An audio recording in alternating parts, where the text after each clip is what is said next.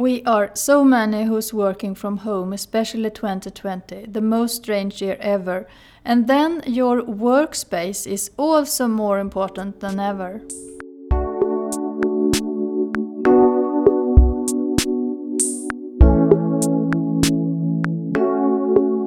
You're listening to Design the Simple Life with me, Ylva Jansson. I'm here to inspire you into simple life and lifestyle.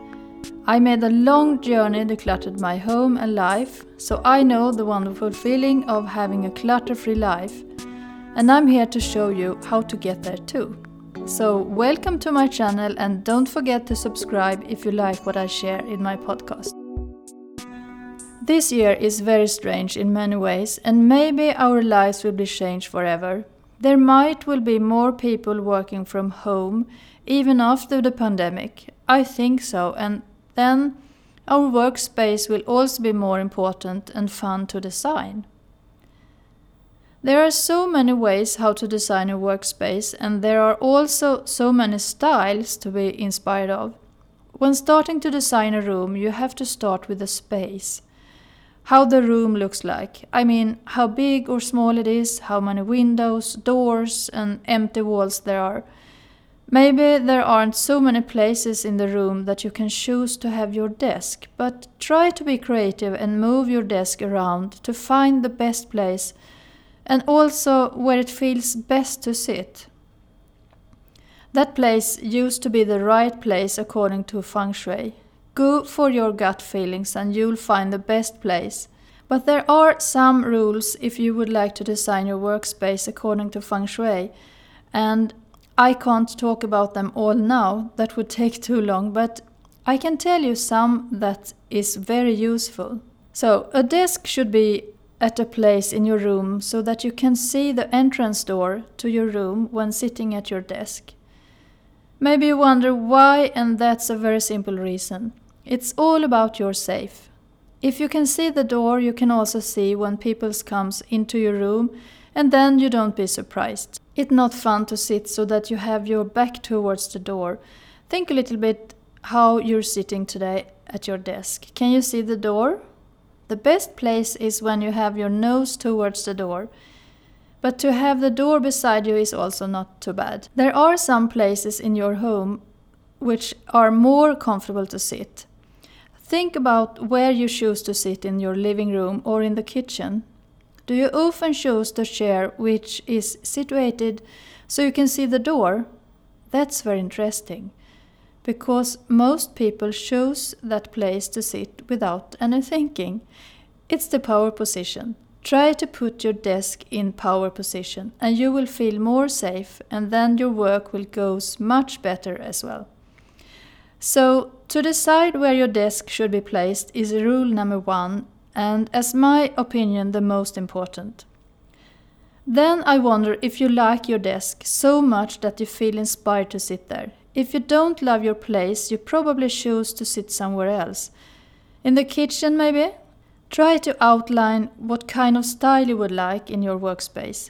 Google and see what you can find. At Pinterest or Instagram, you can find very useful inspiration. So when you have found a few inspiration images, make your own mood board so that you can be more specific about how you would like to design your space or room.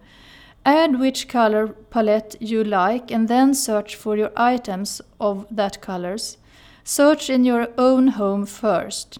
And then if you would like to buy something, do that after you have made your scanning in your home. Then you should save much money and time looking for new stuff. So now it's time for your desk design. What kind of surface do you like? Dark or light? According to feng shui, a black desk or a desk in glass surface isn't to prefer because then the energy goes too fast and you could be stressed. A table of wood is to prefer, but then also it's important which other colors you have in the room. Avoid having too much of the same colors or materials to create a balanced room. By the way, did you know that the size of your desk is crucial to have the power you need in your life? The bigger the better. So shine with the big size of the tabletop and don't make yourself smaller with a small top. Then you also, of course, have to declutter your desk and your workspace. That is always step number one when designing something. When you have done that, the most funniest part comes to design your space and desk. Take a look in your home what kind of stuff you would like to use and then begin to play around. Try many different variations. Sometimes it could take a while and maybe a few days. Maybe you would like to buy something to add at your space. And don't forget to use plants because plants give you much energy and they are also nice to look at and taken care of, of course. I prefer to have less things around me when I'm working so that I don't will be disturbed. A very rule of thumb is to collect small things in a box or something. Then the outlook will be clean and not cluttered. An important thing is to go through all your papers and get rid of all papers you don't need.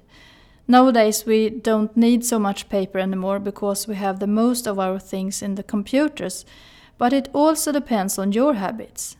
Save the most important stuff and put it in a magazine collector, a box, or a drawer or something. I have chosen a desk without drawers because I want to have it quite clean and it's really a kitchen table. Play around with your furniture and see what kind of table you want. I believe you will find a good solution. Otherwise, send me an email at info at and I will help you. So, do you want to know what I have on my desk? Okay. I have a computer, a pot with my papers, and my small calendar, a notebook, my journal, a big notebook instead of loose papers, my glasses, my wish box with my affirmations, a beautiful pencil case of wood, which one of my daughters have made for me, a rosin quartz to reduce radiation from the computer, and I always have a plant and the candlelight. The candlelight makes me calm and focused, and I also always listen to some kind of background music in low sound level. After you have made your space clutter free, design it in your way and add some beautiful things you like, and you will get more energy to begin to work at your desk. There's no doubt about that. So, if you haven't downloaded my free PDF Organize Your Workspace, I really suggest you to do that now. There you will get many good advice and inspiration to design your personal and perfect workspace for getting more energy for work. I have put the link for you in the description. So, this was all for now. I would love to see you in my Facebook group, Simplicity Inspirational Group. I go live every Wednesday and inspire you the same way as I do here in my podcast. Come and join me there. You will find the link to my group here in the description.